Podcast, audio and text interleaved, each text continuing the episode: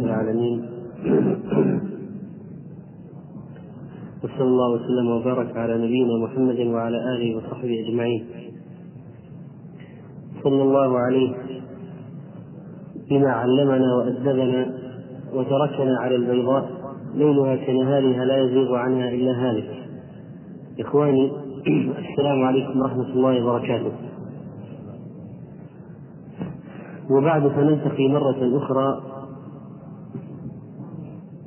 وإياكم في هذه الليلة لنتكلم عن أدب مهم من الآداب الإسلامية التي ينبغي أن تكون بين الإخوة وعنوان درس هذه الليلة العفو والاعتذار بين الإخوة. ولا شك أن الشيطان ينزغ بين الإخوان وقل لعبادي يكون التي هي أحسن إن الشيطان ينزغ بينهم. ولما كان الشيطان ينزغ بين الإخوان ويحصل من بعضهم خطأ على إخوانهم الآخرين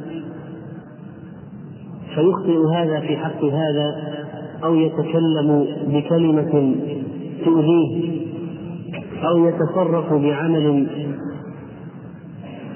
يؤذيه. كان لا بد من شيوع خلق وأدب العفو والاعتذار بينهم حتى تصفو النفوس. ويرجع الحق إلى صاحبه. وإلا فإن قلة أو انعدام هذا الأدب بينهم يتسبب في القطيعة والشحناء. واستمرار البغض بين الإخوان. أما العفو فإن الله سبحانه وتعالى قد أمر به. وقال فاعفوا واصفحوا. وكذلك فإنه سبحانه وتعالى قال لنبيه صلى الله عليه وسلم خذ العفو وأمر بالعرف وأعرض عن الجاهلين. وأخبر عز وجل أن العفو أقرب للتقوى فقال وأن تعفوا أقرب للتقوى. ومدح الله أهل العفو بقوله والكاظمين الغيظ والعافين عن الناس والله يحب المحسنين. والعافين عن الناس والله يحب المحسنين. وقال الله سبحانه وتعالى فاصفح الصفح الجميل. آمرا نبيه صلى الله عليه وسلم. وكذلك قال فاعف عنهم واستغفر لهم وشاورهم في الأمر. وقال الله عز وجل ولا تستوي الحسنة ولا السيئة ادفع بالتي هي أحسن فإذا الذي بينك وبينه عداوة كأنه ولي حميم. وما يلقاها إلا الذين صبروا وما يلقاها إلا ذو حظ عظيم. وقال البخاري رحمه الله تعالى في صحيحه قال ابن عباس ادفع بالتي هي أحسن الصبر عند الغضب والعفو عند الإساءة.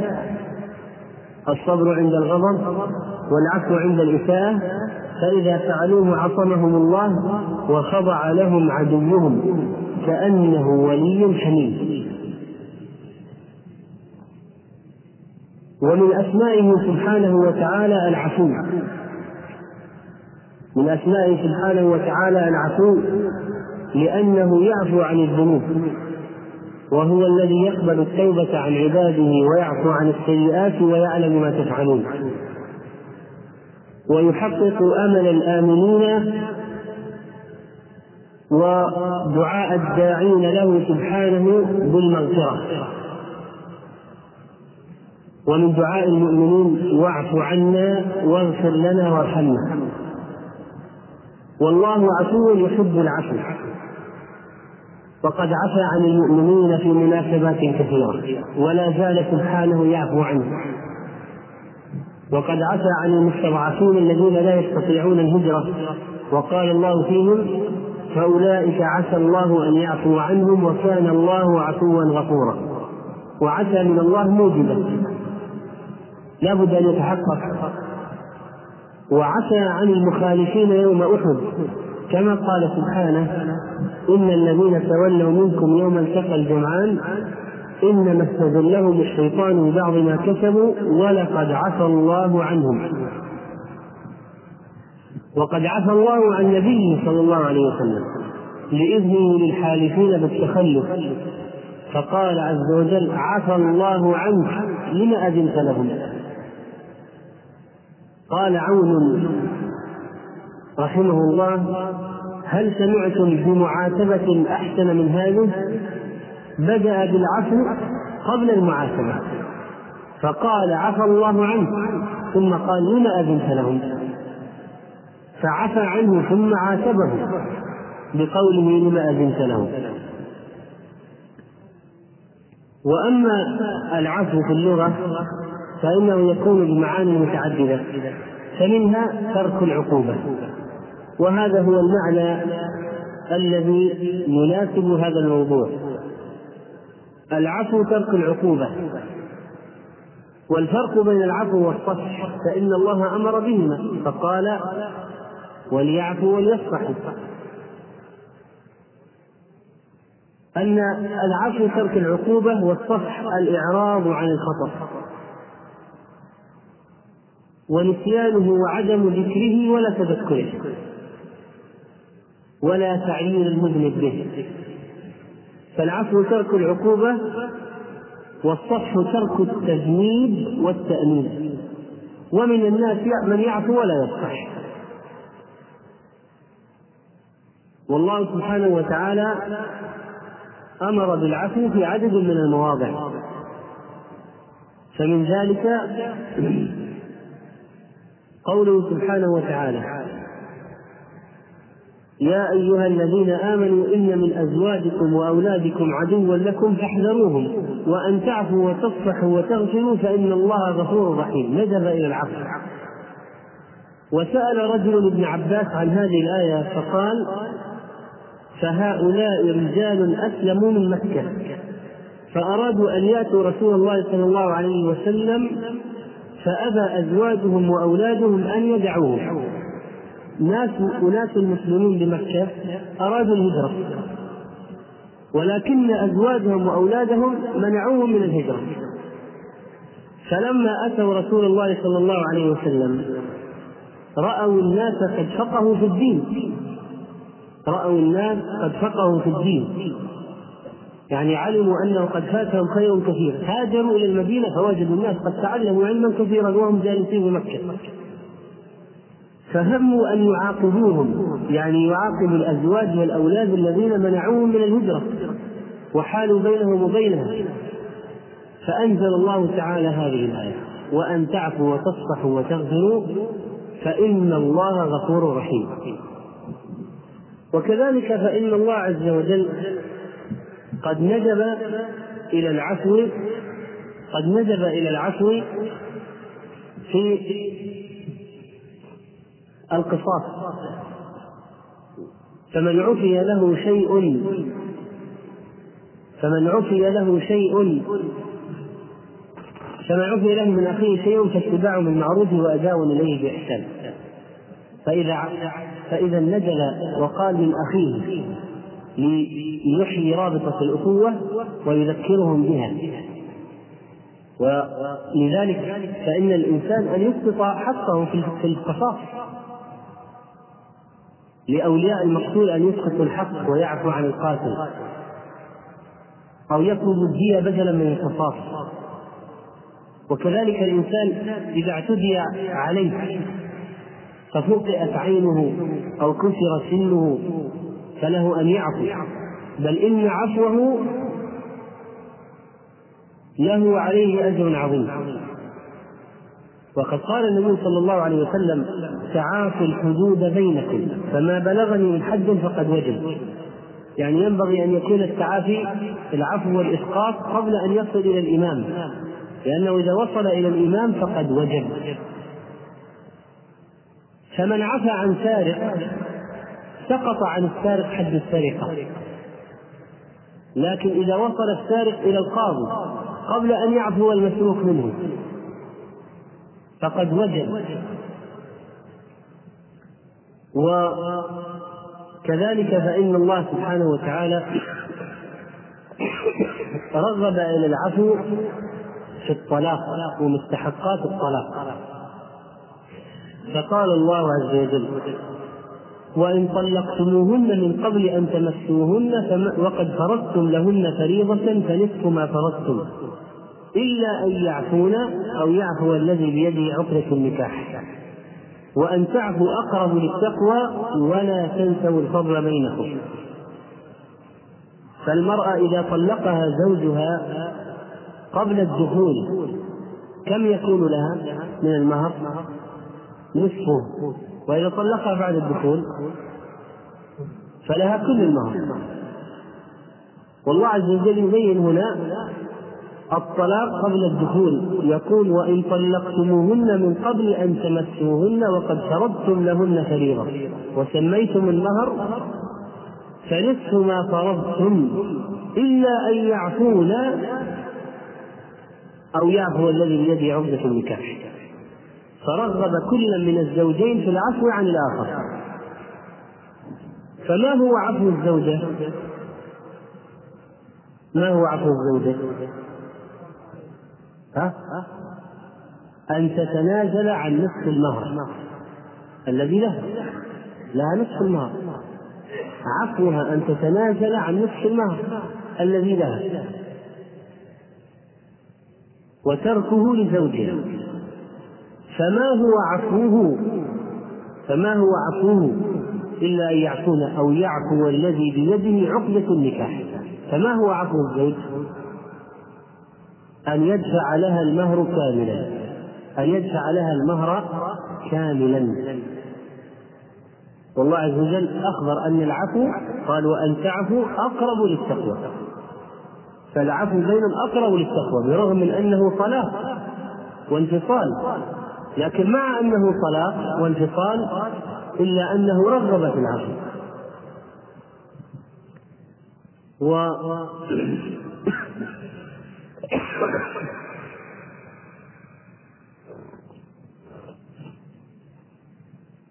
الأنبياء رضوان الله تعالى عليهم قد ضربوا المثل المثل الكبير في العفو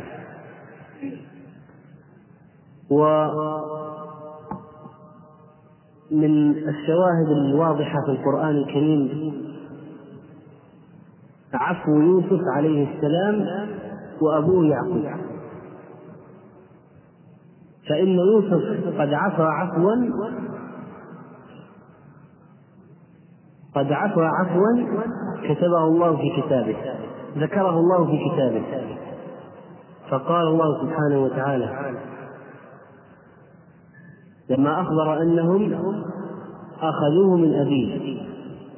آلم الأب بإبعاد الولد عنه وآلم الابن بإبعاده عن أبيه وآلم الابن الأصغر بإبعاد أخيه يوسف عنه وقد كان في غاية المحبة. ثم أخذوا الولد وألقوه في غيابة الجب لا شفقة ولا رحمة. وتسببوا في بيعه واستعباده واستذلاله وأن يكون خادما وأن يدخل السجن. كل المآسي التي جرت على يوسف بسبب إخوته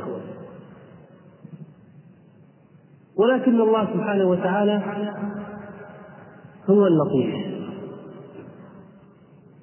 فإنه قدر ليوسف هذه الأشياء ليزداد إيمانا ولترتفع مرتبته. ولذلك لما صبر يوسف لما صبر يوسف على طاعة الله وصبر عن معصية الله وصبر على أقدار الله كافأه الله سبحانه وتعالى بأن جعله على خزائن الأرض. واضطر إخوته إليه. فجاء إخوته شحاذين يسألونه. فلما دخلوا عليه قالوا يا أيها العزيز مسنا وأهلنا الضر وجئنا ببضاعة مزجاة فأوف لنا الكيل وتصدق علينا. صاروا بمنزلة السؤال يمدون أيديهم. لمن؟ يمدون أيديهم ليوسف عليه السلام. أوفي لنا الكيل وتصدق علينا تصدق علينا. إن الله يجزي المتصدقين. فأحوجهم الله إليه لما ظلموه. فصبر جعلهم مضطرين يوسف أتوا إليه بالذل يمدون أيديهم. يقولون تصدق علينا إن الله يجزي المتصدقين. ولكن يوسف نبي. وأخلاق الأنبياء شيء آخر. قال هل علمتم ما فعلتم بيوسف وأخيه إذ أنتم جاهلون؟ قالوا أئنك لأنت يوسف؟ قال أنا يوسف. هل علمتم ما فعلتم بيوسف وأخيه إذ أنتم جاهلون؟ لما فرقتم بينهما وأضرمتم صدريهما بنار البعد. هل علمتم ما فعلتم بيوسف وأخيه إذ أنتم جاهلون؟ قالوا أئنك لأنت يوسف؟ قال أنا يوسف. وهذا أخي قد من الله علينا. إنه من يتقي ويصبر التقوى والصبر. فإن الله لا يضيع أجر المحسنين. هنا اعتذروا. اعتذروا. فقالوا تالله لقد آثرك الله علينا. اعترفوا واعتذروا. قالوا تالله لقد آثرك الله علينا وإن كنا لخاطئين.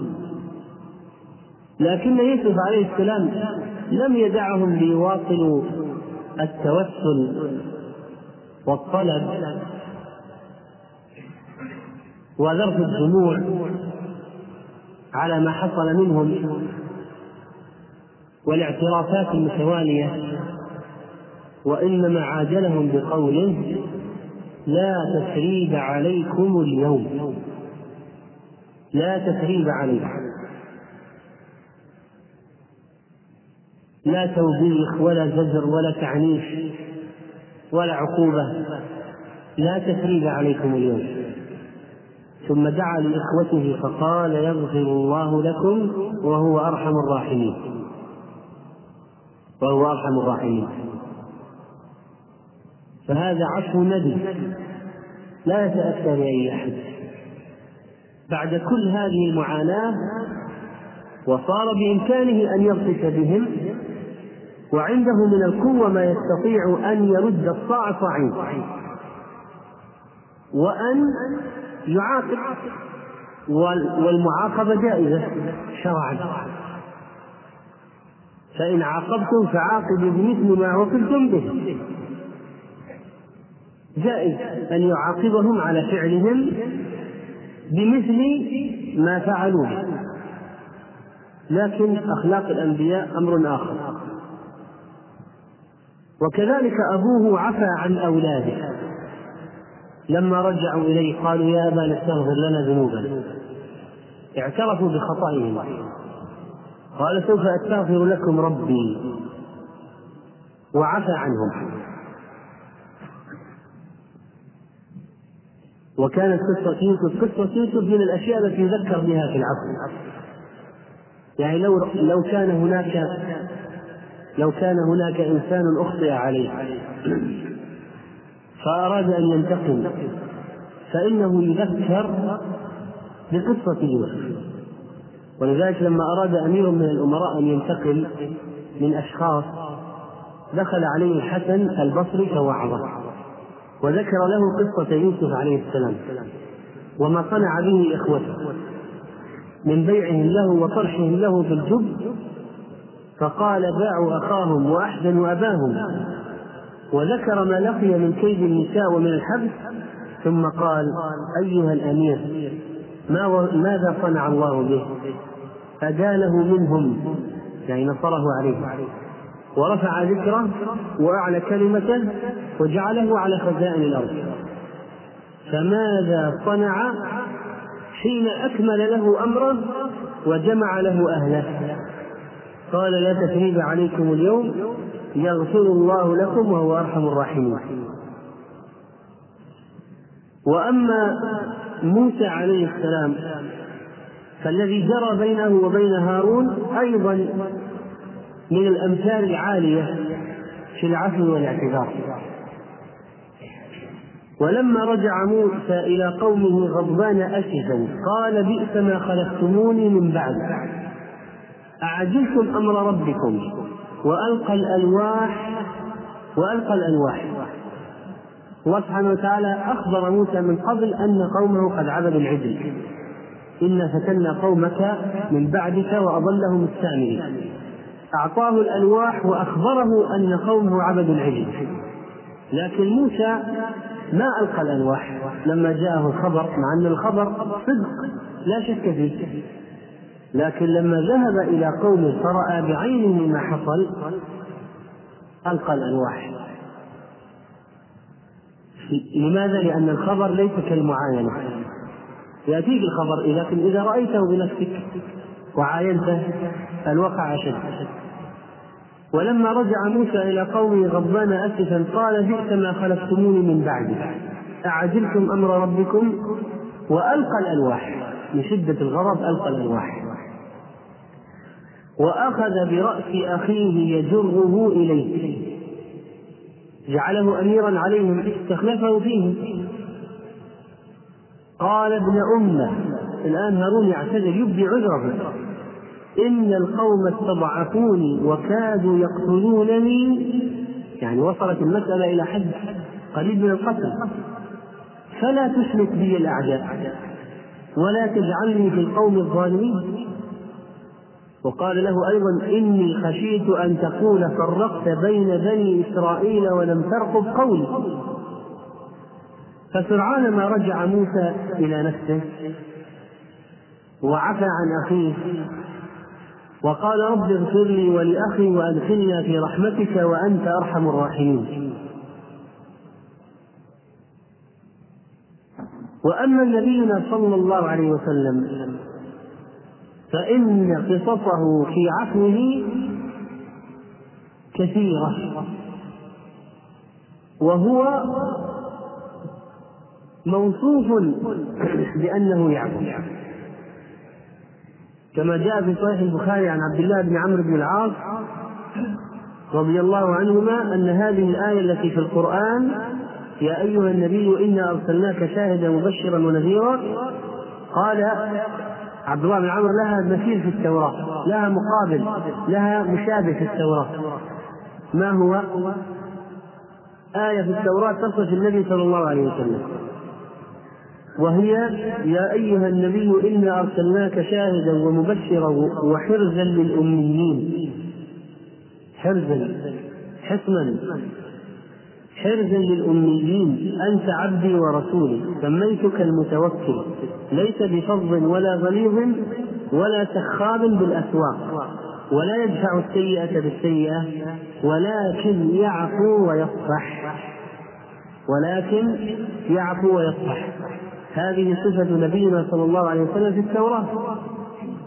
ولن يقبضه الله حتى يقيم به الملة العوجاء بأن يقولوا له بأن يقولوا لا إله إلا الله فيفتح به أعينا عميا وآذانا صما وقلوبا غلفا. وأما عفوه صلى الله عليه وسلم فقد شمل الأعداء أيضا وليس فقط أصحابه وإخوانه. فقد قالت عائشة رضي الله عنها للنبي عليه الصلاة والسلام هل أتى عليك يوم أشد من يوم أحد؟ قال لقد لقيت من قومك وكان أشد ما لقيته منهم يوم العقبة. وكان أشد ما لقيته منهم يوم العقبة. إذ عرضت نفسي على عبدي على ابن عبد يالين بن عبد كلال فلم يجبني. إلى ما أردت. فانطلقت وأنا مهموم على وجهي فلم أستفق إلا وأنا بقرن الثعالب فرفعت رأسي فإذا بأنا بسحابة قد أظلتني. وجاءه جبريل فقال إن الله أرسل إليك ملك الجبال على أمرك. ماذا تأمرني فسلم عليه ملك الجبال ثم قال له يا محمد إن الله قد سمع قول قومك لك وأنا ملك الجبال. وقد بعثني ربي إليك لتأمرني بأمرك كما شئت. إن شئت أطبقت عليهم الأخشبين الجبلين العظيمين اللذين بينهما مكة أنت تأمر وأنا أنفذ. إن شئت يا محمد صلى الله عليه وسلم أطبقت عليهم الأخشبين. فقال النبي صلى الله عليه وسلم بل أرجو أن يخرج الله من أصلابهم من يعبد الله وحده لا يشرك به شيئا. ولم يرضى النبي صلى الله عليه وسلم بأن يهلك القوم. عفوه عن قومه. بل انه صلى الله عليه وسلم كما قال أحد الصحابة كأني أنظر إلى رسول الله صلى الله عليه وسلم يحكي نبيا من الأنبياء صلوات الله وسلامه عليه وعليهم ضرب قومه ضربه قومه ضربه قومه فأدموه وهو يمسح الدم عن وجهه ويقول اللهم اغفر لقومي فإنهم لا يعلمون وقيل في شرح الحديث إنه هو النبي صلى الله عليه وسلم إنه حكاها عن نفسه ولكن ما أخبر تواضعا. يحكي نبيا من الأنبياء ضربه قومه قومه فأدموه وهو يمسح الدم عن وجهه وهو يقول اللهم اغفر لقومي فإنهم لا يعلمون. أما عفوه صلى الله عليه وسلم عن المسلمين فهو كثير. ويتجلى عفوه عمن كان يؤذيه من الأعراب. الأعراب كانوا يؤذون النبي صلى الله عليه وسلم بالقول والفعل. وكان يحلم ويصفح ويعفو. عن أنس قال كنت أمشي مع رسول الله صلى الله عليه وسلم وعليه برد نجراني غليظ الحاشية. فأدركه أعرابي فجبله بردائه جبله شديدة فنظرت إلى صفحة عاتق النبي صلى الله عليه وسلم وقد اثرت بها حاشية البرد من شدة جبلته احمر احمرت صفحة عنق النبي صلى الله عليه وسلم عاتق النبي صلى الله عليه وسلم من شدة الجبزة ثم قال الأعرابي يا محمد مر لي من ماء الله الذي عندك يعني بكل صلافة وقلة أدب. جبله وقال مر لي يا محمد مر لي من مال الله الذي عندك فالتفت إليه صلى الله عليه وسلم فضحك ثم أمر له بعطاء. ثم أمر له بعطاء. صلى الله عليه وسلم. ولما فعل حاطب رضي الله عنه ما فعل وكانت فعلة عظيمة. كان يمكن أن تؤدي بجيش المسلمين. استدعاه النبي عليه الصلاة والسلام وسأله.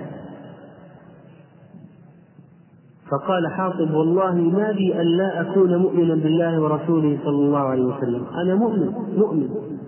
أردت أن يكون لي عند القوم يد ويدفع بها ويدفع بها عن أهلي ومالي.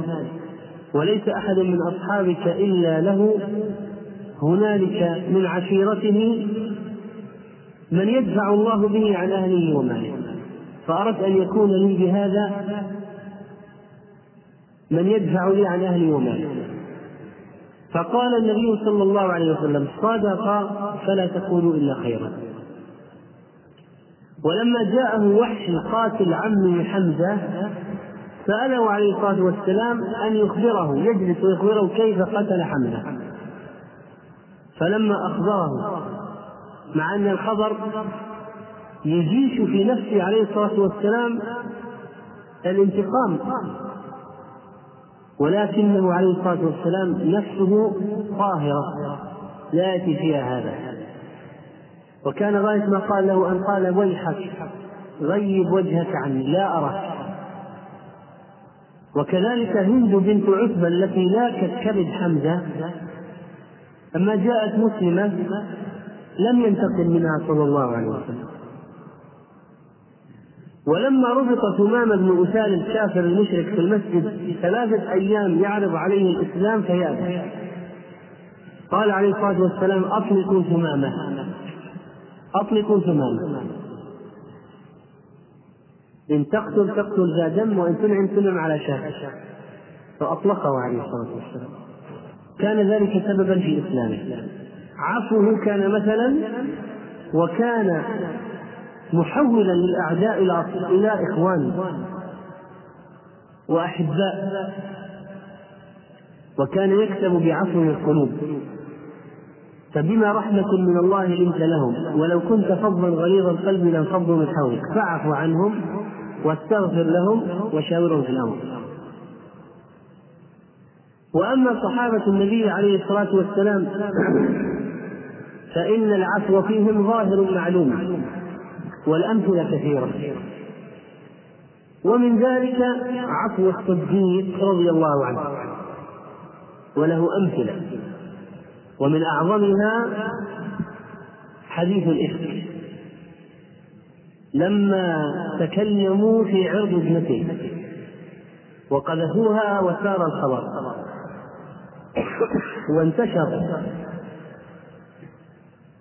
ووقعت في هم عظيم. ووقع هو وزوجته أم أم عائشة في زوج عظيم. حتى أنزل الله الفرج. إن الذين جاءوا بالإفك عصبة منكم الآيات. فلما نزل ذلك وكان أبو بكر الصديق رضي الله عنه ينفق على مصطح لقرابته منه ومصطح من الذين تكلموا في الإفك. قال والله لا أنفق على مصطح شيئا بعدما قال لعائشة. بعدما تكلم في عائشة. حلف أن لا ينفق عليه فأنزل الله تعالى هذه الآية العظيمة. ولا يأتل لا يمتنع. ولا يأتل أولو الفضل منكم والسعة أن يؤتوا أولي القربى والمساكين والمهاجرين في سبيل الله وليعفوا وليصفحوا. ألا تحبون أن يغفر الله لكم؟ والله غفور رحيم.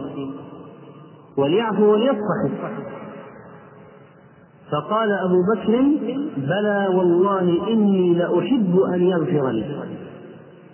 فرجع إلى مصطح الذي كان يجري عليه. أرجع إليه النفقة وكفر عن يمينه.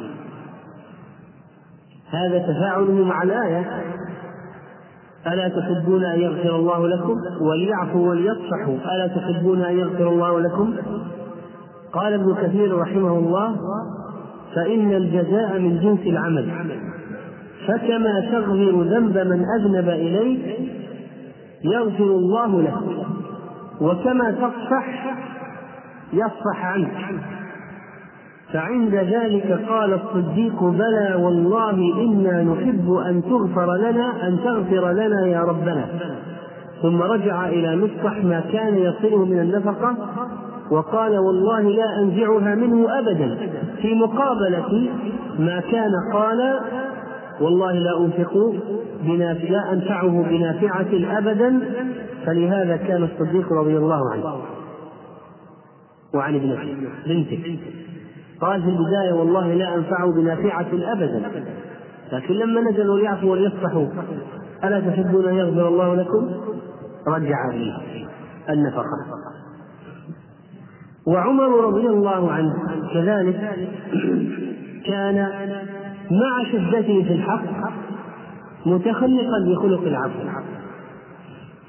فقد جاء في صحيح البخاري أن ابن عباس رضي الله عنهما قال قدم عيينة بن حسن فنزل على ابن أخيه الحر بن قيس وكان أي الحر بن قيس من النفر الذين يبنيهم عمر.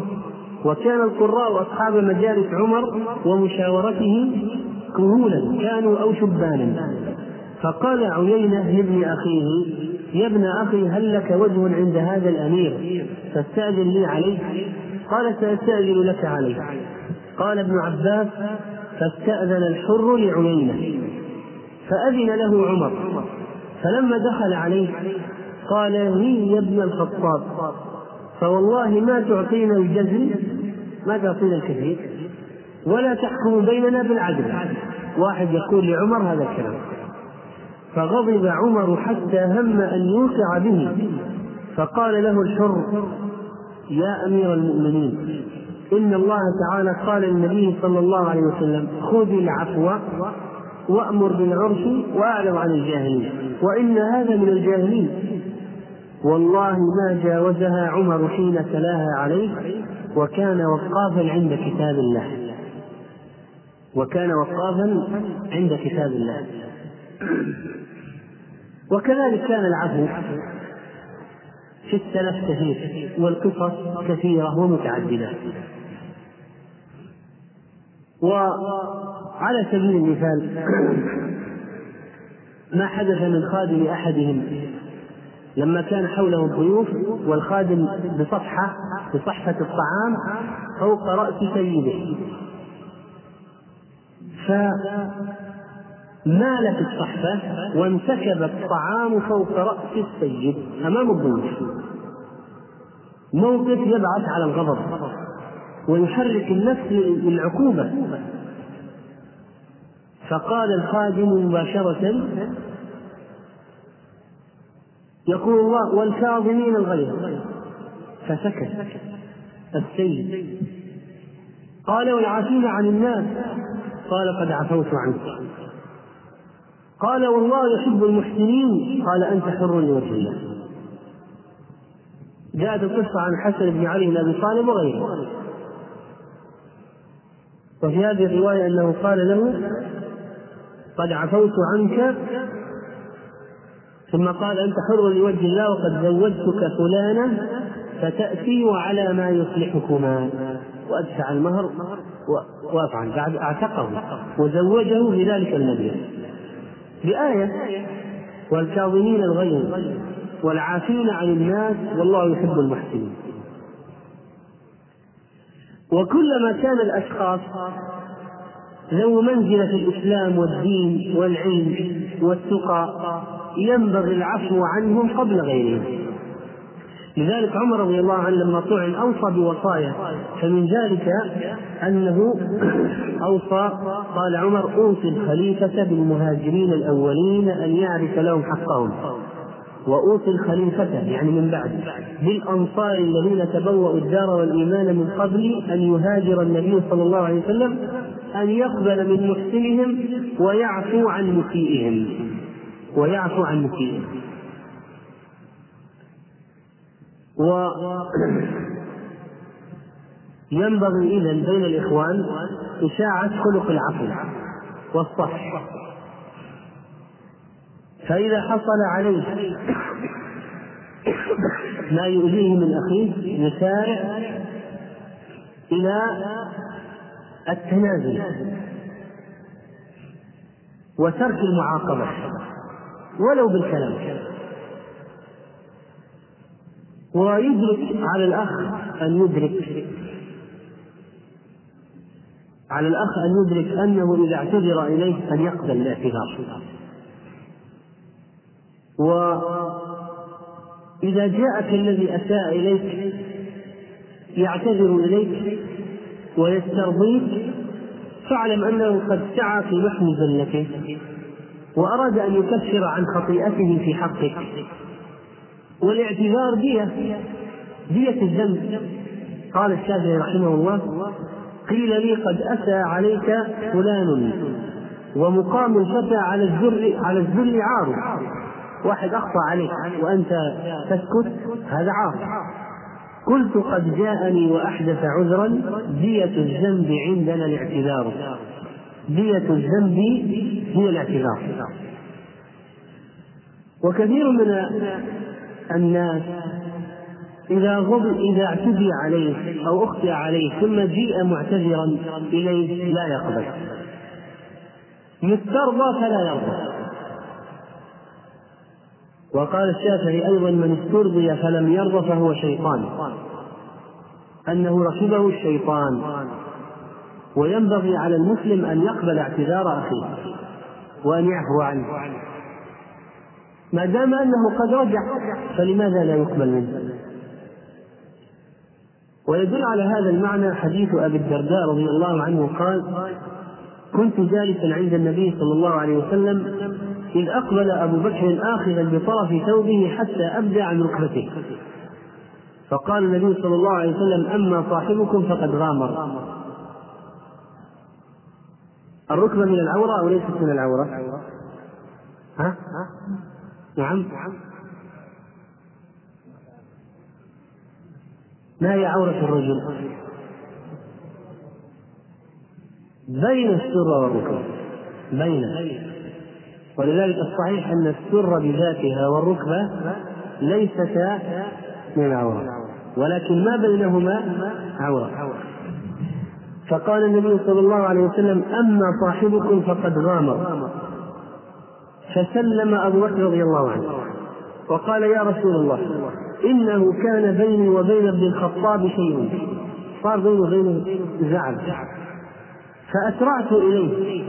يعني أخطأت عليه. أخطأت عليه. ثم ندمت فسأل فسألته أن يغفر لي فأبى علي يقول أبو بكر أنا أسرعت إليه وأخطأت عليه لكني ندمت. فسألته أن يغفر لي فأبى علي عمر أبى. فقال النبي صلى الله عليه وسلم يغفر الله لك يا أبا بكر ثلاث مرات. ثم إن عمر ندم فأتى منزل أبي بكر. فسأل أثم أبو بكر أهنا يوجد أهنا أبو بكر؟ فقالوا لا. فأتى إلى النبي صلى الله عليه وسلم. لما دخل عمر على النبي صلى الله عليه وسلم فجعل وجه النبي صلى الله عليه وسلم يتمعر يعني يتغير من شدة الغضب. حتى أشفق أبو بكر فجلس أبو بكر على ركبتيه فجثى على ركبتيه فقال يا رسول الله والله أنا كنت أظلم مرتين أنا كنت أظلم أنا المبتدئ. ثم وعظهم النبي عليه الصلاة والسلام في أبي بكر الصديق وأمرهم أن يتركوا له صاحبه وأن لا يغضبوه وأنه هو الذي واساه لما تركه الناس. وكان أولهم إسلاما رضي الله عنه. فالإنسان منا قد يخطئ على أخيه. لكن إذا جاء المخطئ معتذرا فما وجه ربه؟ لماذا يرد؟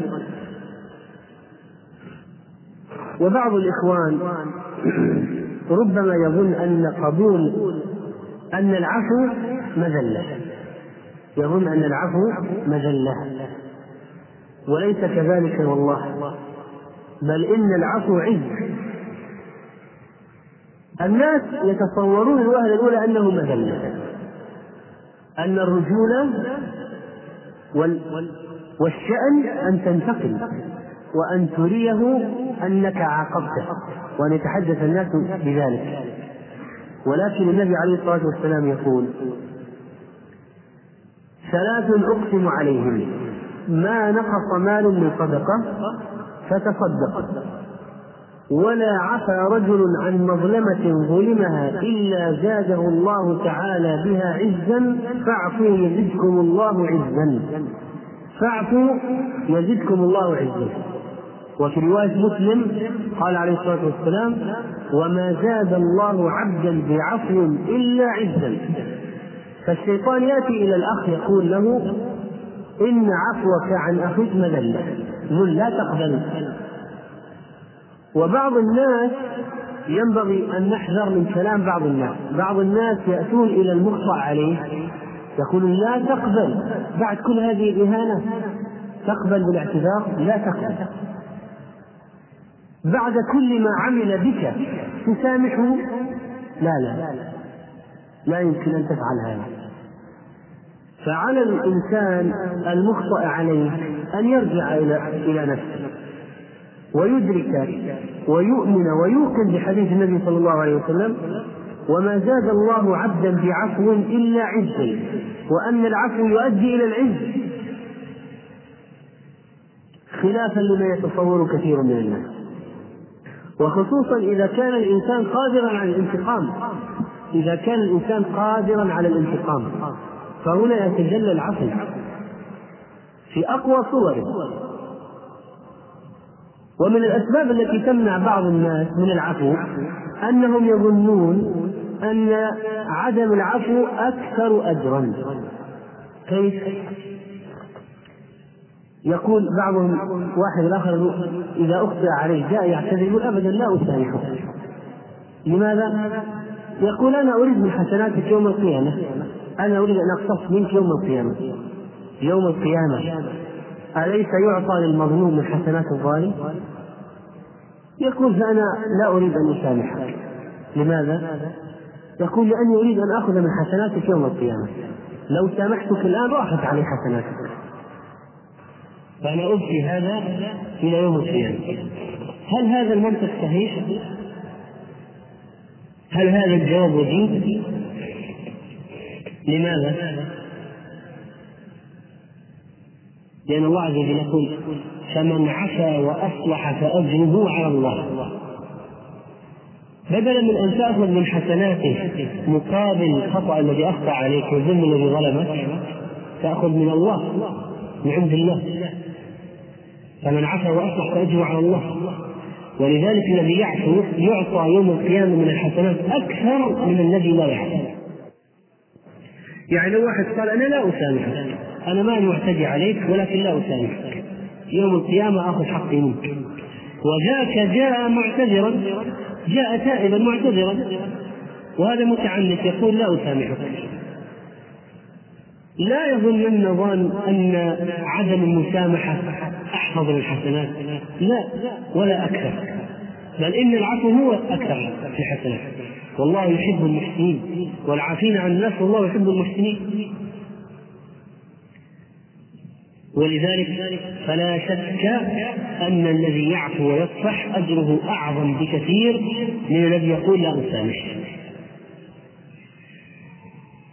بل إن بعض العلماء قالوا إن دعاء المظلوم على الظالم إنه قد أخذ أخذ بدعائه أخذ ما له بالدعاء. يعني أن عدم الدعاء أفضل. أن عدم الدعاء أفضل أحفظ للحسنات. طبعا الظالم هذا الذي ما ما جاء ما تاب ولا جاء معتذرا ولا شيء.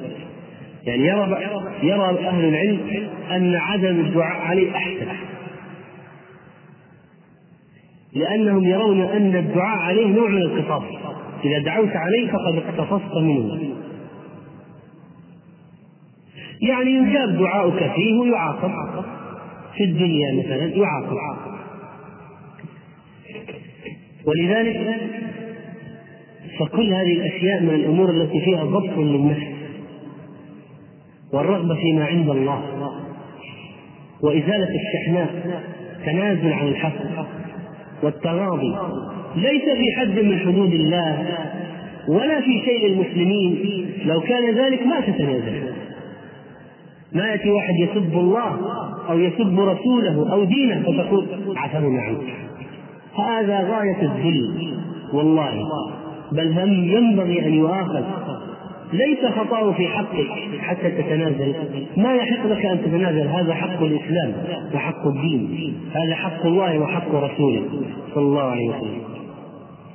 لذلك الصحيح من أقوال العلماء ونصره شيخ الإسلام ابن تيمية رحمه الله في كتابه الصارم المسلول أن الذي يسب النبي صلى الله عليه وسلم يقتل ولو كان. قالوا هذا في حق النبي عليه الصلاة والسلام النبي صلى الله عليه وسلم مات. ولا يمكن الآن أن نسقط حقه. فلا بد أن نقتله وإذا تاب تنفع توبته عند الله.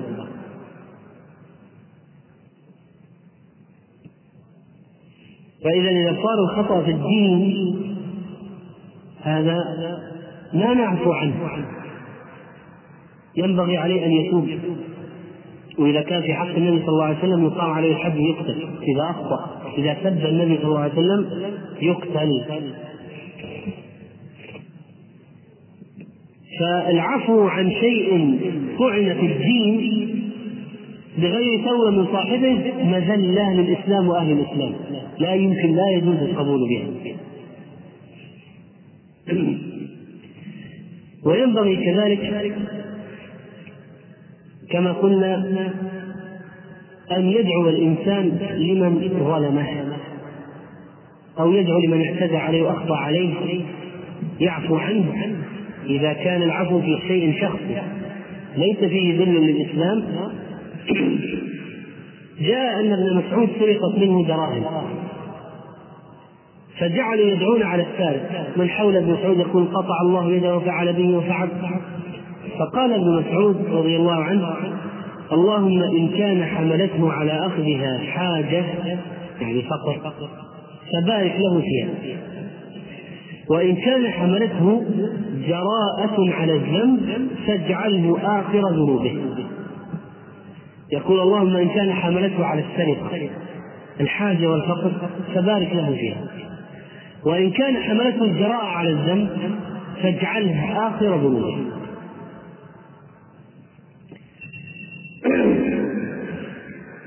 وبعض الإخوان وبعض الشباب بعض الناس يشعر أنه لا بد من الاعتذار. يقول أولا يعتذر ثم أعفو عنه. ويقول حتى تأتيني تعتذر تتأسف وعند ذلك أعفو عنك. وهذا ليس من كريم الأخلاق ومعاليها فإن الإنسان يعفو عن أخيه حتى لو لم يعتذر إليه. بل يدعو الله له بالمغفرة ولو أخطأ عليه. وليس من مكارم الأخلاق أن تقول لا بد أن تأتي ذليلا خاضعا وتعتذر ثم أسامحك. ينبغي أن تكون أنت المبادر بالعفو والصفح حتى من غير أن يأتي ويعتذر. وبعض الناس يحتاجون إلى تذكير لأن نفوسهم تكون مليئة مستعدة لاختزال الأحقاد والشحناء والبغضاء. فيحتاجون إلى تذكير. لتنفيذ هذه الأحقاد والمسارعة إلى العفو والصفح. والإنسان إذا اطلع على أن بعض الظلمة كبار الظلمة كانوا يعفون أحيانا في بعض المواقف. فيقول مسلم في نفسه أنا أولى من الظالم. تقرأ في قصص بعض الظلماء أنهم كانوا يعفون يسامحون في بعض المواقف. هذا الحجاج خذ هذا المثل. أخرج الرقام البصري في كتاب العفو والاعتذار عن الأصمعي قال مر الحجاج بن يوسف في بعض عمله متنكرا. يعني الحجاج من خبزه ودهائه مر من مرات تنكر ودخل في الناس. قال أرى ماذا يقول الناس عني؟ دخل في بعض عمله متنكرا فرأى أعرابيا فقال كيف عاملكم؟ عاملكم يعني أميركم. يعني كيف يسأل عن نفسه عن الحجاج يقول كيف عاملكم؟ فخص هذا الأمير الحجاج الظالم خص دخل في الناس وأمسك بأعرابه يقول كيف عاملكم؟ قال الأعرابي المسكين الغافل ما يدري أن هذا الذي يسأله هو الأمير والعام الظالم الحداد قال المسكين قال شر عامل قال أفلا ترفعون ذلك إلى من هو فوقه؟ قال الأعرابي المسكين هو شر منه. قال له ما تشتكوني اللي فوق؟ اللي فوق أسوأ قال فتنمر الحجاج ولحق به الناس فقال عليكم بالأعراب خذوه. فلما قعد الحجاج في مجلس الحكم دعا به بالاعرابي فلما نظر إليه الإعرابي عرفه. الإعرابي لما نظر الحجاج عرف أن هذا الذي كان أتى إليه ومتنكرا هذا. فقال الإعرابي للحجاج إن رأيت أن يكون ذلك الأمر مستورا فافعل يعني كان بالإمكان أن تستر تجعل بيني وبين تجعل ذلك الأمر مخفي بيني وبينك. فضحك الحجاج وأطلقه. معنى الحجاج كان لا يتورع أن يقتل من هو أقل منه جرما بكثير بل إنه قتل الوفا مؤلفة وقتل من الصحابة هناك. ومثل بجثة عبد الله بن الزبير. ذهب الحجاج وفي رقبته دماء عشرات الآلاف من المسلمين إن لم يكن أكثر. الحجاج معروف ظالم. لكن هؤلاء بعض الظلمة ينبغي على الإنسان أن يعتبر. إذا كان بعض الظلمة يعفو يعفون أحيانا في بعض المواقف. فلماذا لا يكون هو يعفو عن أخيه المسلم؟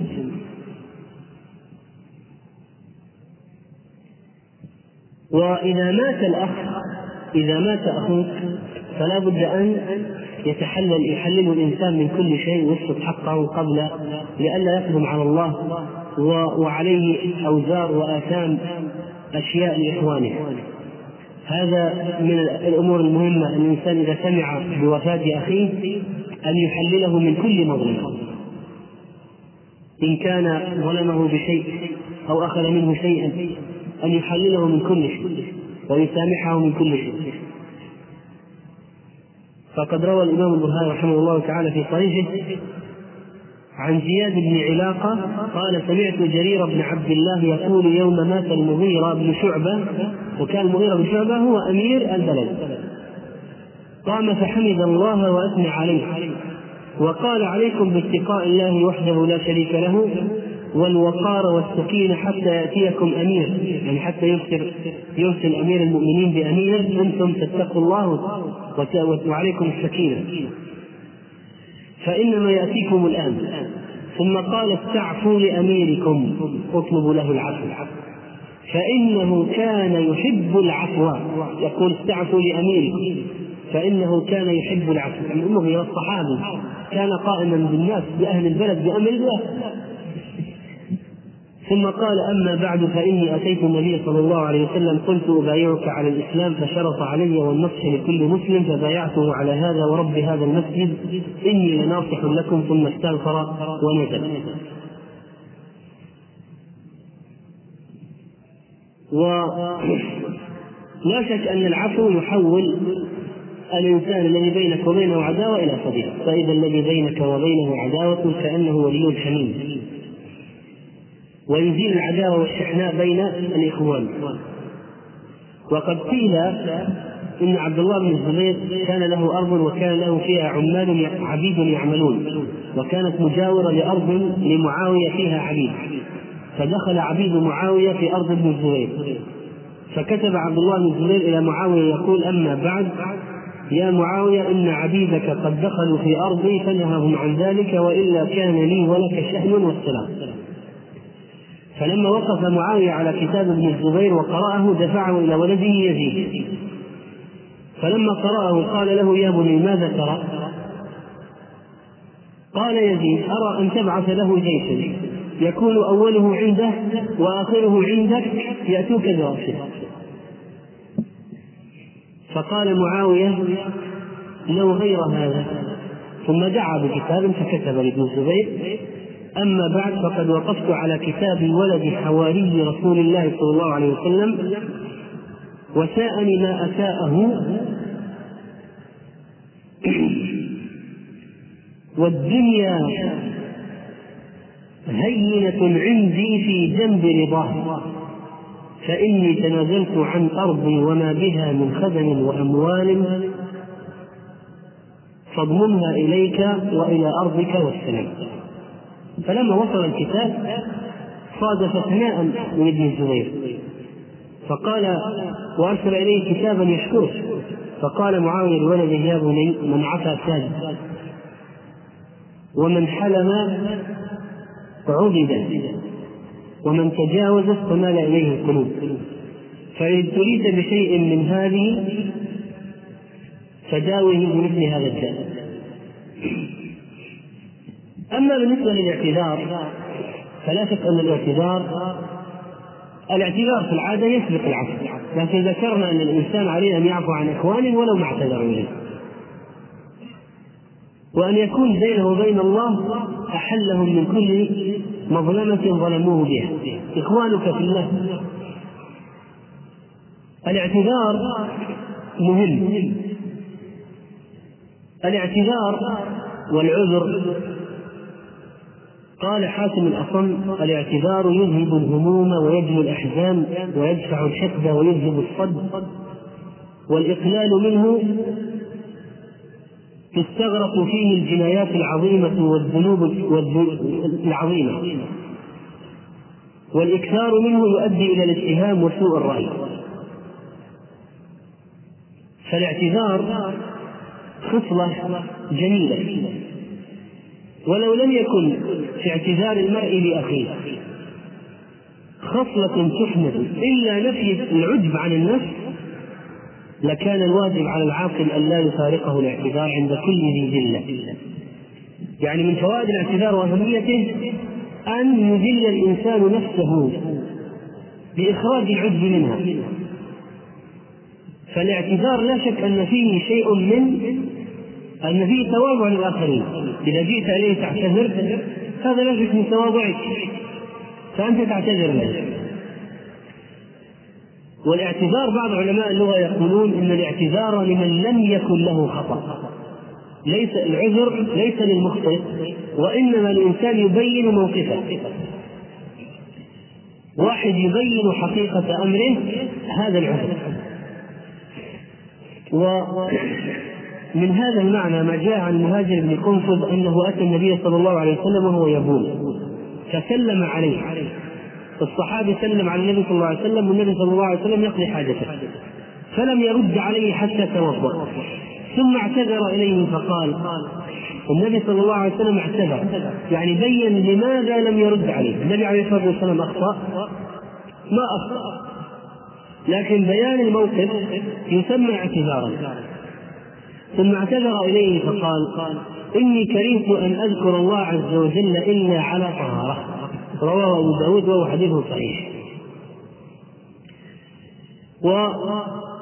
وبعضهم يقول الاعتذار يدخل فيه من أخطأ.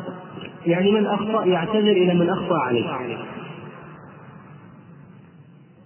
وقد وهو من وهو من شمائل من شمائل الكرام ولا شك في الاعتذار.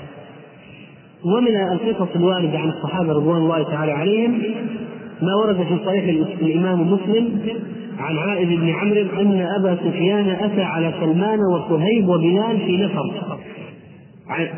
أن أبا سفيان أتى على سلمان وصهيب وبلال في نفر. في فتح مكة أبو سفيان طبعا أطلقه النبي عليه الصلاة والسلام.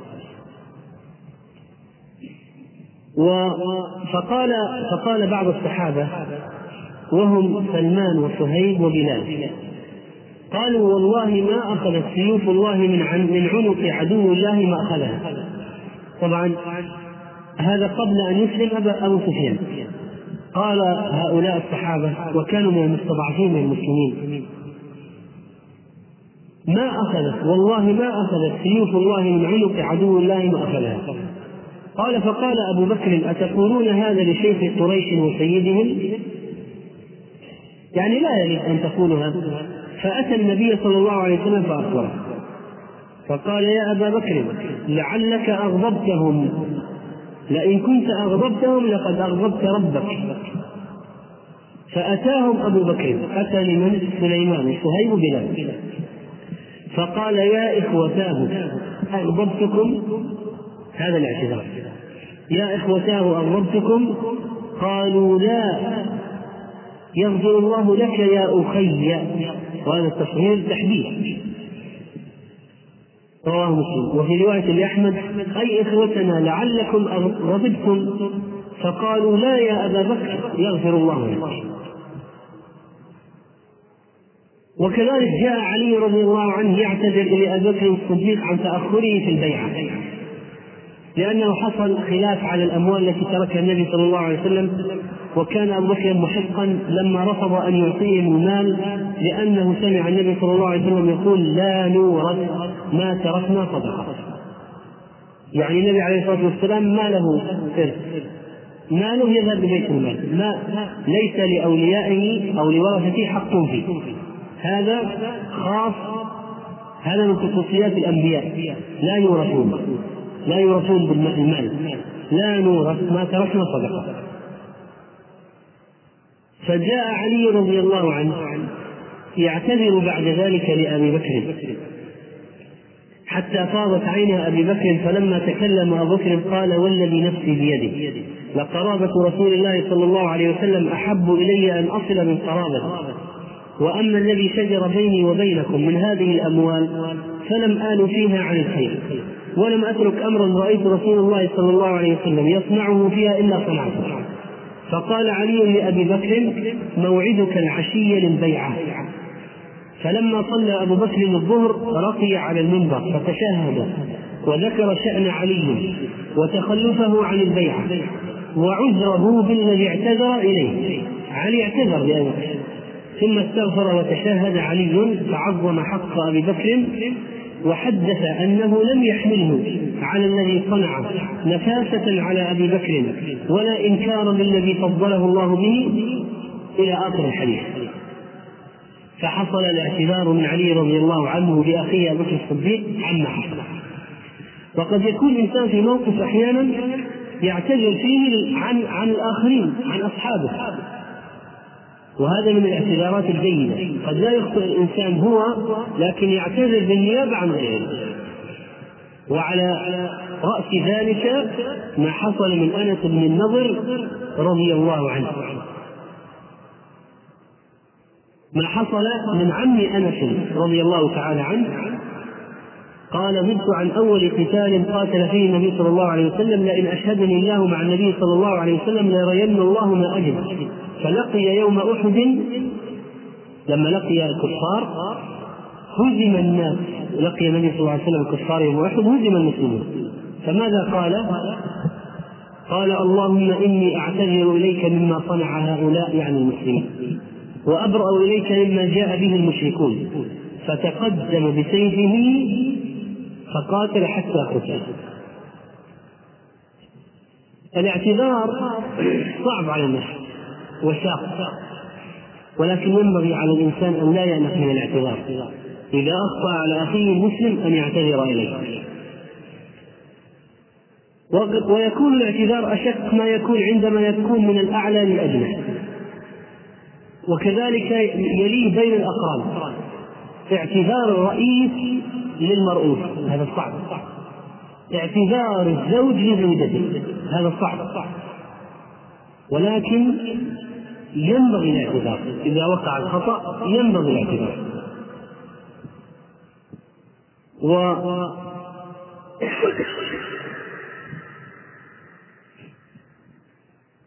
لا شك أن الاعتذار يذهب ما في النفس فلو أخطأت على فلان واعتذرت إليه لذهب لكان ذلك من أقوى أسباب ذهاب ما في نفسه عليه. وينبغي على الإنسان أن يتأدب في الاعتذار فإن بعض الناس يكون عذرهم أقبح من ذنبهم كما قالوا عذر أقبح من ذنب. فينتقي العبارات. وبعض الناس إذا اعتذر مثل ما يعتذر الطفل العنيد. الطفل العنيد إذا جاء يعتذر كيف يعتذر؟ إذا أجبره أبوه على على التأسف أن يقول آسف تراه أحيانا يقول آسف يخشن صوته وكأنه يعني يريد أن يشتكي فتخرج منه يخرج منه الاعتذار بدون نفس كما يقولون وبدون إرادة للاعتذار. أو أنه يلوي وجهه ويقول آسف فهو كأنه لا يريد أن يقولها مواجهة معتذرا أو أنه يقول سف ويحذف منها حرفا أو آتي. أو أنه يسر بها ويقول تأسفت لكم. والشاهد في هذه الأشياء التي نراها من بعض الأطفال المعاندين عدم الرغبة في الاعتذار، الاعتذار كأنه أتى عن فرض عليه فرضا. ولا يصلح أن يكون موقف الأخ مع أخيه هذا أنه يفرض عليه الاعتذار فرضا فيعترف له بغير نفس طيبة. يعتذر له بما يكون أحيانا لو ما اعتذر كان أحسن وبعضهم يجادل في الاعتذار ويقدم مقدمات تذهب بأثر الاعتذار فيقول على أي حال أنا ما أخطأت عليك أنت يمكن تراها خطأ لكن أنا ما أراها خطأ. أو إذا تبغاني أقول لك آسف آسف فمثل هذا لا يمكن أن يكون اعتذارا تصفو به النفوس واضح. وما يحدث من بين بين الإخوان من المواقف في مثل هذا كثير. لو دقق الإنسان فيه عرف ان للشيطان فيه مدخلا ونصيبا. وينبغي كذلك للمعتذر أن يتأمل في حاله ويترك ما يعتذر منه أصلا. يفكر قبل الذنب. لا يقول اذنب ثم أعتذر وأخطئ ثم أعتذر. فقد قالوا ترك الذنب أيسر من تكلف الاعتذار. ترك الذنب أيسر من تكلف الاعتذار. والكلام في هذا فيه عند هذا الحد. والخلاصة أن المؤمنين والإخوان بينهم ينبغي أن يكون العفو بينهم قائما ومستمرا. والاعتذار من الإنسان المخطئ دائما موجود وحتى لو لم يخطئ فإن اعتذاره لأخيه مما يذهب كل أثر العداوة. وتذنبون فنأتيكم ونعتذر. فنعتذر. فتأمل لو أن إنسان أخطئ عليه ثم جاء يعتذر هو كم يكون أثر هذا؟ وأو ما, ما أوقع هذا في نفس الشخص الآخر. وكثير من هذه الكلمات والتصرفات الحميدة هي التي تصفينا بين الإخوان. فنسأل الله سبحانه وتعالى أن يجعلنا ممن لا يجدون في أنفسهم على إخوانهم وأن يذهب ما في قلوبنا من الضغينة والشق والشحناء وأن لا يجعل في قلوبنا غلا للذين آمنوا. إنه رؤوف رحيم. والحمد لله رب العالمين.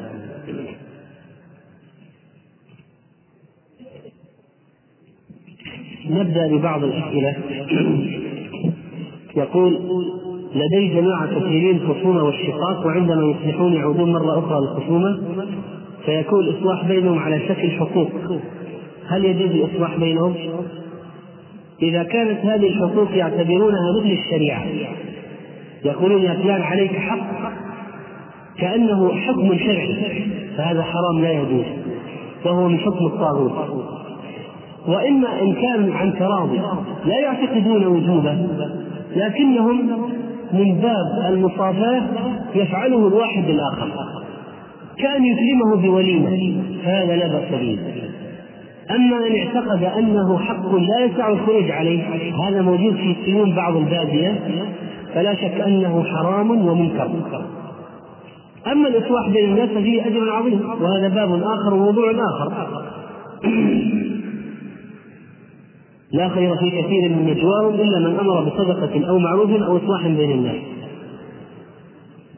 يقول هل التعامل بين الرئيس والمرؤوس في العمل من السماح والتنازل هو من العفو؟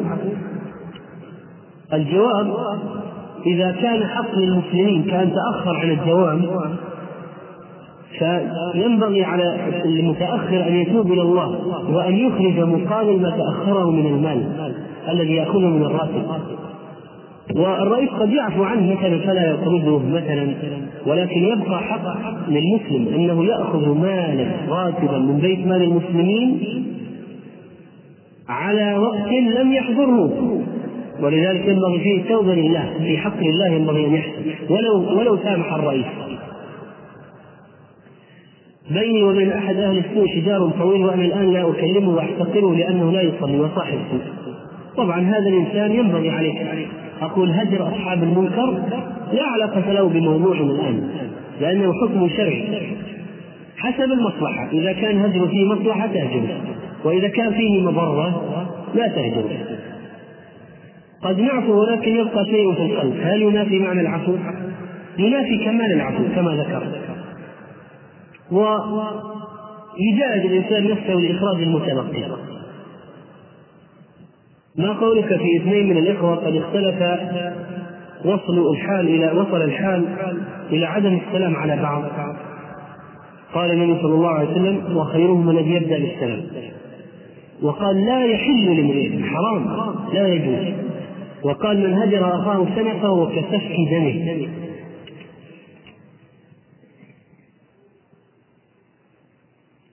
يقول إنهال على أخيه بالأوصاف القبيحة. طيب عليك يا أخي الذي انهلت على أخيك بالأوصاف القبيحة. أن تسارع وتبادر إلى التحلل منه وهذه مواقف يعني مكتوبة مكتوبة عند الله.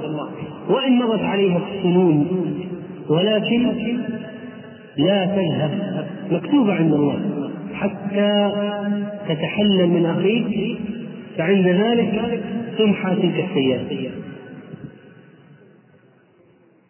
يقول مسؤول أخطأ علي وأريد أن أشكوه إلى المدير العام لأن المدير العام. هل أشكو أم أعفو عنه؟ إذا كان الخطأ شخصي تعفو عنه أفضل وأقرب للتقوى وإن كان في حق الدين ترفع بأمره.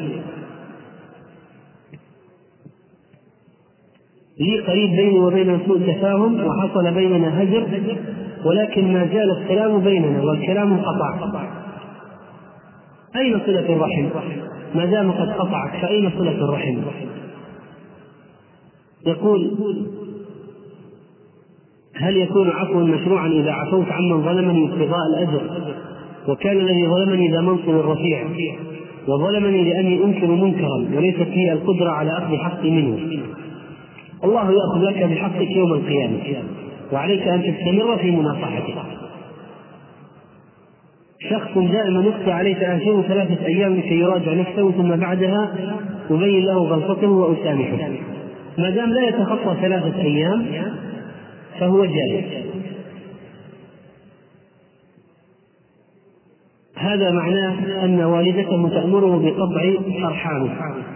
نقول صلهم سرا ولا تطعها. لا طاعة لمخلوق معصية الخالق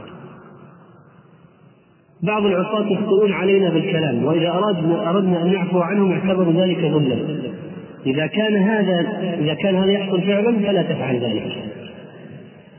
ممكن تقول اللهم اغفر لهم فإنهم لا يعلمون وتبين أنه ليس بذنب ما يحصل. يقول إذا تكرر سوء خلق الزوجة وأخطاءها وتكرر وتكرارها فهل يصلح السماح؟ هو بينه وبين الله يسامحها لا يدعها تلعنها الملائكة أو يغضب الله عليها. وإنما يسامحها ولكن يبدي زعله وغضبه لكي تعتذر لا مانع لكن بينه وبين الله يسامح. نرجو أن لا يخلو هذا من تذكر إخواننا المسلمين في كل مكان والدعاء لهم. نعم نحن نسأل الله سبحانه وتعالى أن ينصر المستضعفين من المسلمين وأن يرفع الذل عنهم وأن يجعل بأس وأن يجعل البأس في العدو وأن يفرق شملهم بما تمالى كما تمالأوا علينا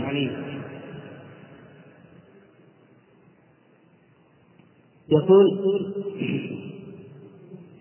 ذاهب إلى مكة لزيارة مريض هل الأفضل أن أعتمر؟ لا شك في ذلك. وفي حال العمرة أحلق شعري كاملا هذا هو الأفضل. شاب لا يصلي قال لأم إما تزوجين وإلا أذهب لفعل المحرمات فقالت أزوجك على شرط أن تصلي فلم يرد عليها.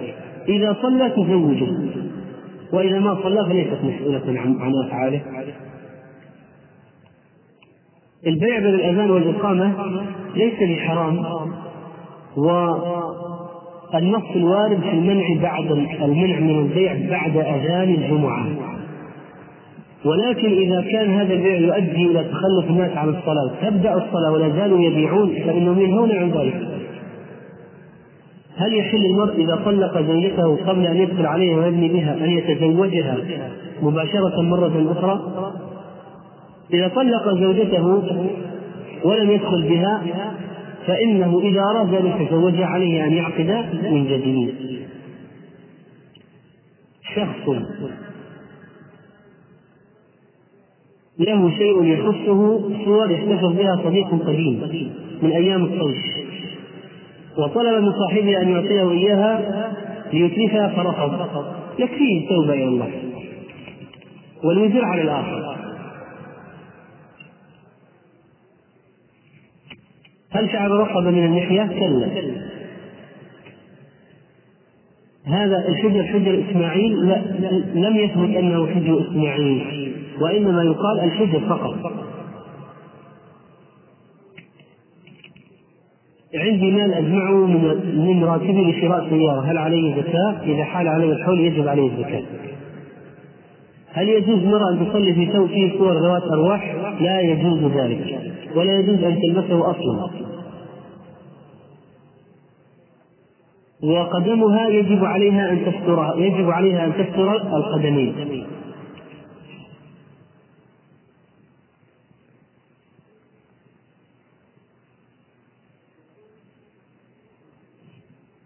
يقول يوجد ماء شرب وماء مالح. نقول إذا في الوضوء إذا كان جعل الماء الحلو للشرب فلا تتوضأ به. توضأ بالآخر ما دام ماء يجزئ الوضوء به توضأ به واترك هذا للشرب. ينزل صفوات من البول أثناء الصلاة. إذا كان يحدث ذلك دائما معه فهذا الثلاث يتوضأ بعد الأذان ويضع شيئا يتحفظ به ويصلي.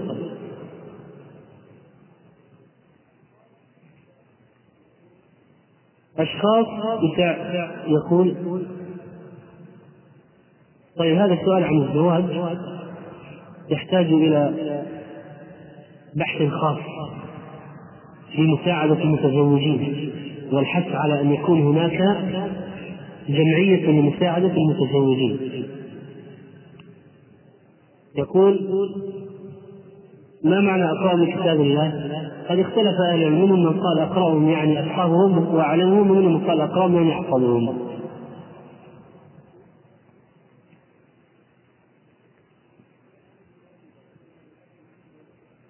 أتيت لصلاة الفجر ولما دخلت المسجد وجدت الصفوف قد اكتملت ولم أجد فرجة. فوقفت لوحدي ولم يأتي أحد وصليت في الصف لوحدي. إذا كنت لم تتحرى مكانا في الصف في آخره فإنه لا يجوز لك أن تصلي يجب أن تتحرى مكانا. وإذا كنت تحريت ولم تجد ولم يأتي أحد فقال بعض أهل العلم بصحة الصلاة كشيخ الإسلام ابن تيمية رحمه الله يقول خان رجل هل تكشف عنده زوجة ابن أخته؟ كلا وعم الرجل هل تكشف عنده زوجة ابن أخيه؟ كلا لا تكشف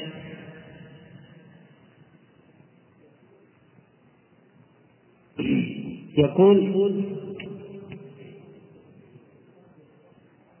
طلبني أحد المدرسين من الكفار بأوراق التعرف على الإسلام.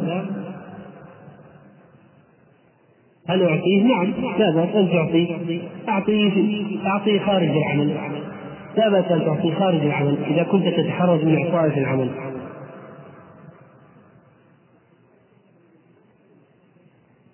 استقبال القبلة عند النوم سنة. والاستقبال أنك إذا صلت عن يمينك تكون القبلة أمامك. تواجه القبلة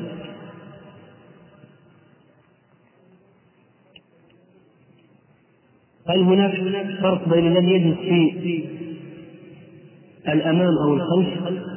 لا شك أن الدنو والاضطراب أفضل. سأمكث في بلد الكفر فترة تتراوح من شهرين إلى ثلاثة أشهر. إذا أتم الصلاة. بعض الشباب يعتبرون انهم سيسمعون المحاضرات والأشرطة، طيب إذا كان مشغلا وإذا كان وإذا كان عنده وقت فراغ فلا شك أن مجالس الذكر لها في حضورها أجر عظيم. لا يتاتى بسماع الشريط كشف المرأة وجهها أمام زوج ابنتها. هذا لا شك فيه. والتحدث معه. زوج البنت محرم.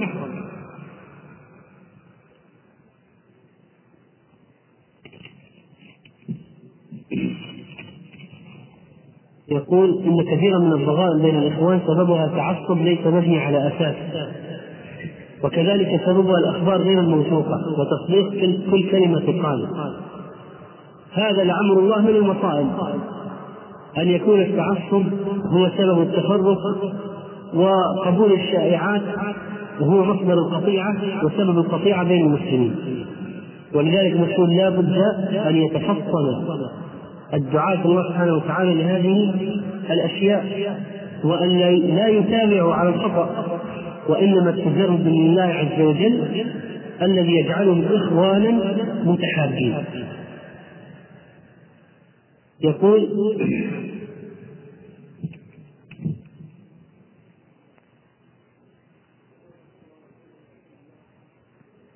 هل الرسول صلى الله عليه وسلم يبتسم ام يضحك؟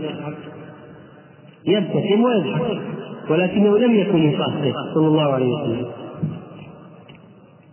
حدثت هذه السنة وفي الحج عزمت على ترك المعاصي والتوبة والرجوع إلى الله لكن بعد أن أتيت من الحج بأسبوع وقعت في الفاحشة. وارتكبت بعض المعاصي الأخرى. أولا هل يقبل الله الحج الذي حججته؟ أريد أن أتوب فهل يتوب الله علي؟ طبعا هذا أمر مؤسف. أن الإنسان يرجع من الحج ثم يقع في الفاحشة. ولذلك عليك أيها الأخ بالعودة إلى الله سبحانه وتعالى. أما حجك فهو صحيح لكنك فعلت منكرا عظيما وكبيرة من الكبائر. ولذلك عليك بالتوبة والاستغفار. ولو أن تحج حجة أخرى لأجل هذا الذنب كما قال قال عمر في في خطأ أخطأه فعملت لذلك أعمالا. أعمال مخصوصة من أجل هذا الذنب فعليك بأعمال مخصوصة من أجل هذا الذنب ولو أن تكرر الحج. هل مخاصمة الأخيار مثل مخاصمة الفسقة؟ لا. لا بطبيعة الحال. مخاصمة الأخيار أشد أشد عند الله. بعض الإخوان قد يفهم أن العفو والاعتذار بين أهل الدين فقط. لا. حتى لو أخطأ عليك فاسق النبي صلى الله عليه وسلم عفى عن من عن لبيد بن الأعصم الذي سحره عفى عنه. ما دام العفو بمصلحة الإسلام يعفو الإنسان يعفو.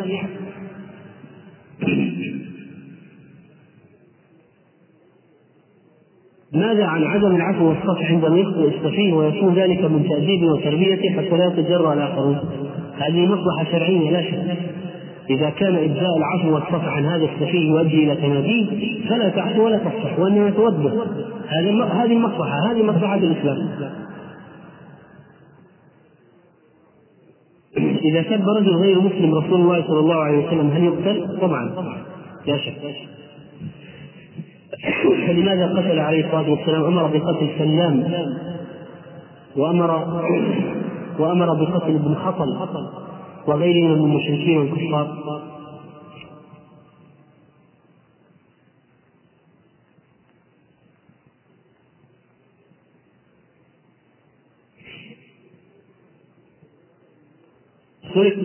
سرق مسجل السيارة وهو من نوع الغالي فلما علمت السرقة دعوت على السائل السارق بأن يغفر الله له إن كان لا يعلم بأن السرقة حرام. لا بأس.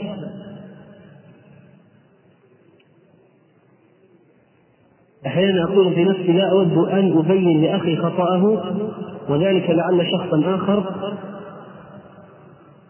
يبين له خطأ فهل فقد يكون واضحا في مجلس الناس. طيب لكن إذا ما بين له أحد الخطأ لا بأس أن تبين أنت له. هل يتنازل عن بيان خطأ للمدعو؟ يؤجل التبيان وليس يتنازل يؤجل التبيان. إذا كان لا يؤثر لا لا لا يضر لا أحيانا يكون لابد منه. مثلا أخطأ في الصلاة لابد أن تقول له الآن وإلا وإلا تصبح صلاته يمر عليه الوقت ولا يكون قد صلى صلاة صحيحة. وأما إن كان يمكن أن يؤجل وفي تاجيله مصلحة فلا باس أن تؤجله. هذا ما تيسر الإجابة عليه من الأسئلة فنسال الله سبحانه وتعالى أن يعيننا وإياكم على ذكره وشكره وحسن عبادته والله تعالى أعلم وصلى الله وسلم على نبينا محمد.